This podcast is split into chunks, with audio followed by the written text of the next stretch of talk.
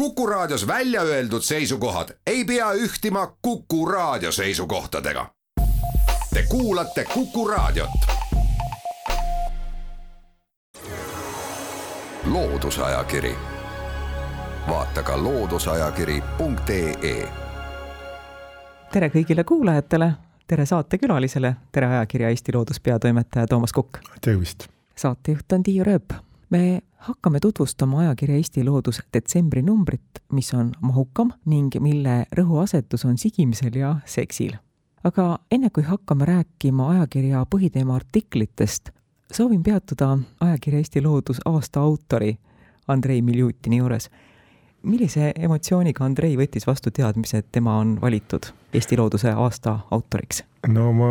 arvan, et vaevalt on selliseid aasta autoreid, kes selle, selle peale väga pahandaksid, et ta oli väga teab rõõmus ja ta, meil siin on tavapärane, et aasta autor kirjutab ka sellise aasta autori Veeru ajakirja ja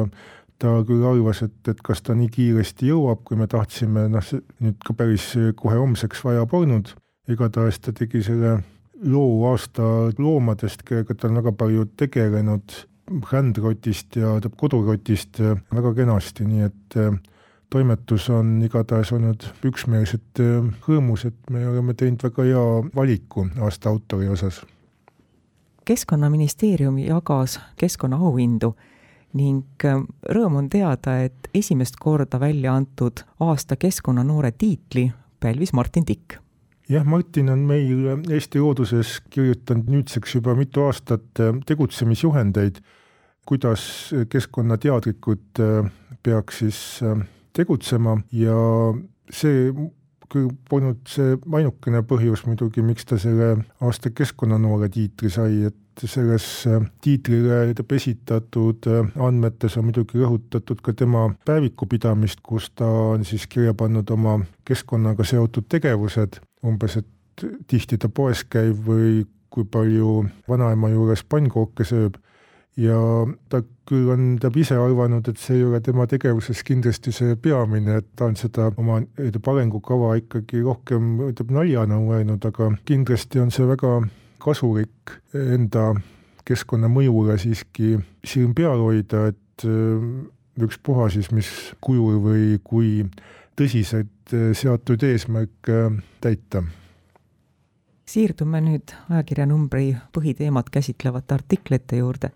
Eesti Maaülikooli vanemteadur Ülo Väli annab ülevaate suurte lindude partneri leidmisprobleemidest ja ka sellest, kui palju neil leidub pesitsuspaiku. saab lugeda, millised pereprobleemid on meie merikotkastel, tuleb välja, et väikekonnakotkastel hoopis teistsugused kui merikotkal. on juttu ka haruldasest madukotkast, on ka juttu musttoonekurest, kelle arvukus on langustrendis kui küsiksin, mitmel korral sa sel suvel nägid või kuulsid merikotkast, siis oletan, et mõned korrad ikka, aga kas sul on sel aastal olnud võimalust näha musttoonekurge? sel hooajal ma vist ei ole näinud, aga, aga ma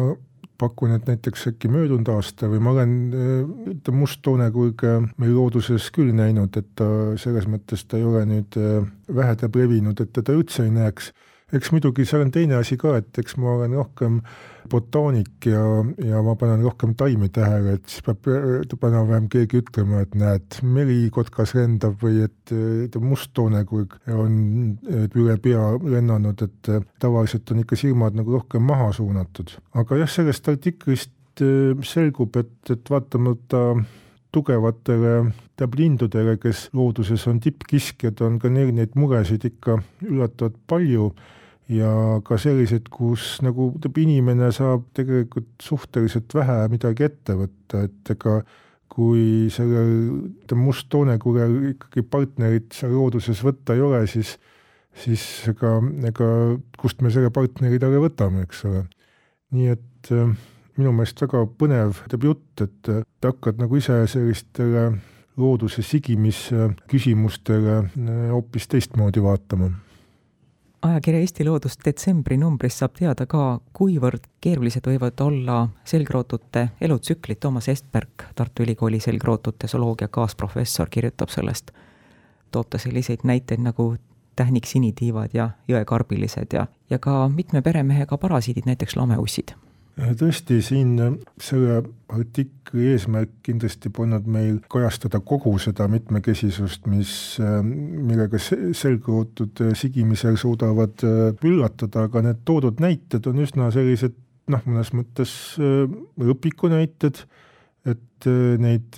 ülikoolis õpetatakse. Teiselt poolt on, ma arvan, et ka sellisel muidu loodushuvilisel on ikkagi hea teada ja meeles pidada, et kus koha pealt see parasiit äh, kassi ikka täpsemalt äh, saab ja, ja et mismoodi ta siis ka kassi kaudu teab inimest äh, ohustab, nii et igati vajalik teadmine. Järgmiseks leiab ajakirja Eesti Loodus detsembri numbris Tartu Ülikooli etnomoloogia kaasprofessor Tiit Tedre ülevaate sellest, kui suured võivad olla putukate soolised erinevused ja ei ole harvad need juhtumid, kus ühe liigi emased ja isased on niivõrd erinevad, et teadlased on neid pikka aega eri liikidesse paigutanud. Jah, siin selle artikli alguses on toodud mõned äh, troopilised Amazonias elavad äh, liigid, kus siis pildi pealt on näha nii emased kui pisased nii alt kui pealtvaates ja tõepoolest võib entomoloogidest tuleb aru saada, kes on kimbus olnud, et need tähendab, olendid on niivõrd erinevad, et tõesti võiksid nad kuuluda eri eh, liikidesse. Ja neid näiteid on eh, putukate puhul päris palju, kus eh, tõesti see, et nad kuuluvad samasse liiki, tuleb kindlaks teha geenitõbuuringutega, aga muidugi samas toob Tiit Tedel ka näiteid neist putukatest, kus sugupooled on niivõrd sarnased, et neid ei ole võimalik meil neil vahet teha, et et äh, kindlasti nad, ütleb äh, ise saavad vast ikka sellega pihta, et nad äh, neid sugupooli segi ei aja, aga tõesti, selles mõttes see putukate maailm on väga mitmekesine, et on sellised, kus tõesti vanemad on väga erinevad, kui ka selliseid, kus neil pealtnäha pole täpselt üldse mingit vahet järgmiseks leiab ajakirja Eesti Loodus detsembri numbrist Marju Kõivupuu ülevaate seksist ja sigimisest rahva pärimuses. teadsin ennem ka, kuivõrd oluline abivahend on hundisaba olnud meie armumaagias, aga see õpetus, mida hääd on siis loota, kui mees naisele lähenedes on endale ka kirve selga sidunud, see oli minu jaoks küll uus teadmine. jaa, need on muidugi tähendab, enamik selliseid teadmisi on tänapäeval see, et võib-olla ei, ei pea vähemalt neid äh, jälgi tegema või teine asi, noh muidugi ega see kirve selga sidumine iseenesest ju midagi sellist äh, kentsakat võib-olla polegi, aga, aga vähemalt ei ole mõtet tõetab loota, et see nii väga palju aitaks, sest ega väga ratsionaalset äh, selgitust või vähemalt sellist põhjuslikku seost seal ilmselt on kaunis raske ette kujutada. Aga, aga jah, et ega neid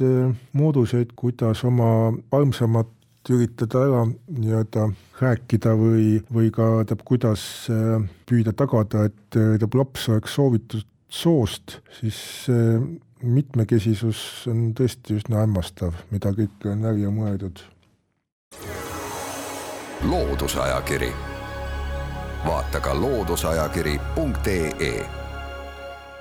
loodusajakiri tuli pausilt tagasi, Kuku raadio stuudios on ajakirja Eesti Loodus peatoimetaja Toomas Kukk saatejuhi rollis on Tiiu Rööp. ajakirja Eesti Loodus detsembri numbris saab lugeda ka, millised on samblike paljunemise kavalused ja karid. artikli autorid tänuväärselt kõigepealt juhivadki tähelepanu sellele, et samblikud on mitmest organismist koosnevad kooselulised biosüsteemid ning juba see on üks asi, mis annab võimaluse ja on ka põhjuseks, miks nende paljunemine on eriline. jah, et äh, põhikomponent on seen ja seened ju me teame üldiselt äh, levivad meelde peoste abil, aga samas äh, on vajalik ka vetika komponent ja, ja noh, peale seene ja vetika on ka leitud veel teisi organismide rühmi sambrike koostisest, nii et eks siit sellest artiklist ka selgub, et vaatamata sellisele sugulisele sigimisele on sambrike väga levinud paljunemismoodus ka tavaline vegetatiivne paljunemine, ehk siis taluse tükkidest, et see on nagu selles mõttes kindla peale minek, et kõik vajalikud komponendid, kõik partnerid on juba koos ja ei ole vaja seal hakata siis vaatama, et kust see see nüüd selle vetika kätte saab. aga kindel on see, et suguline paljunemine on sambikal siiski aeg-ajalt tähtis, et oleks võimalus siis geene omavahel kombineerida, et selle tõttu nad ikkagi ainult vegetatiivselt ei saa paljuneda ja noh, teine asi, et teostega paljunemine annab ka võimaluse kaugemale jõuda, tähendab ruumiliselt jõuda, et mitte jääda sinnasamma lähedale, kus siis senine tallus või sambrik kasvab, noh kuigi ütleb, loomad võivad ka neid sambrikutükke päris kaugele viia. Inari Leiman Tallinna loomaaiast annab ülevaate sellest, kuidas üheskoos suudavad loomaaiad hallata arvukat ja elujõulist tehispopulatsiooni ja ta teeb ülevaate, milliseid ohustatuid või hääbuvaid liike on Tallinna loomaaias edukalt paaritatud. Euroopa naaritsa edulugu on kõigile teada, aga lisaks on ka paljundatud väga edukalt vööt hüääne, idasinilammast, amuri leopardi, habekotkast, jääkaru. see loetelu on üsna pikk. Jah, seda saab eh, teha koostöös teiste loomaaedadega, et see ei ole võimalik ainult ühes loomaaias, sest et pisendite hulk on piisavalt väikene ühes kohas. Ja selleks siis loomaaiad vahetavad omavahel. Eeskätt siis seda pisaseid, kes liiguvad ühest loomaaiast teise, on siis mõnda aega koha peal ja, ja lähevad kuhugi edasi või ka tulevad koju. tore on igatahes teada, et ka Tallinnas see tegevus on äh, väga laialdane ja ka mitmete loomade puhul on Tallinn sellises juhtivas äh, positsioonis. rubriigis Tegutse teadlikult kirjutab Martin Tikk sellest, kuidas piirata oma lemmikloomade paljunemist. koertest ja kassidest on palju kõneldud ja mulle tundub, et seal võib-olla on probleemi teadvustatud ja see võiks olla kontrolli all. Aga putukatele kui lemmikloomadele ja kaladele pööratakse oluliselt vähem tähelepanu jah, eks need nõuanded on muidugi ka ühe kui teise puhul küllaltki sarnased, et äh, kõige lihtsam on ju eri soost pisendeid äh, eraldi kasvatada, et nad omavahel kokku ei puutu, kui ei soovita, et nad paljuneksid. muidugi mõningatel liikidel, nagu siin eespool oli juttu, et putukad võivad väga sarnased olla, et ei olegi võimalik neil väga vahet teha. Ja noh, siin teeb erijuhtumid on näiteks need hiigelteod.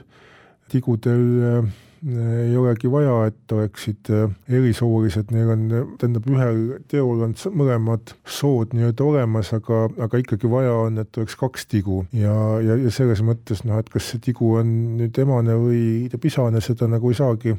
otseselt öelda, sest et, et mõlemad vajalikud sood on olemas, et et äh, neid äh, näpunäiteid ja soovitusi on siit tõesti mitmete diploomarühmade kohta ja noh, muidugi mis puudutab selliseid putukaid ja niimoodi, siis noh, Tallinna Loomaaial ja ka teistel on, on ka tihtipeale see võimalus, et kui neid väga palju sigib, siis on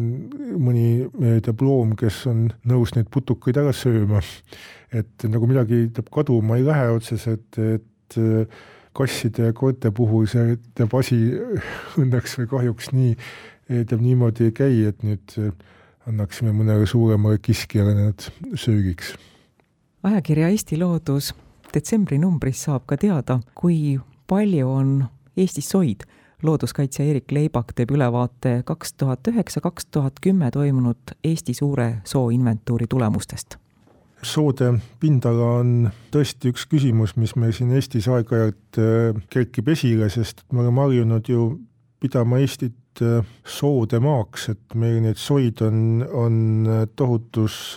koguses ja, ja selles mõttes on aeg-ajalt ikkagi kasulik teha ka nii-öelda kokkuvõtteid, et kas see ikka tõesti niimoodi on, siin kindlasti tuleb kohe küsimuseks, et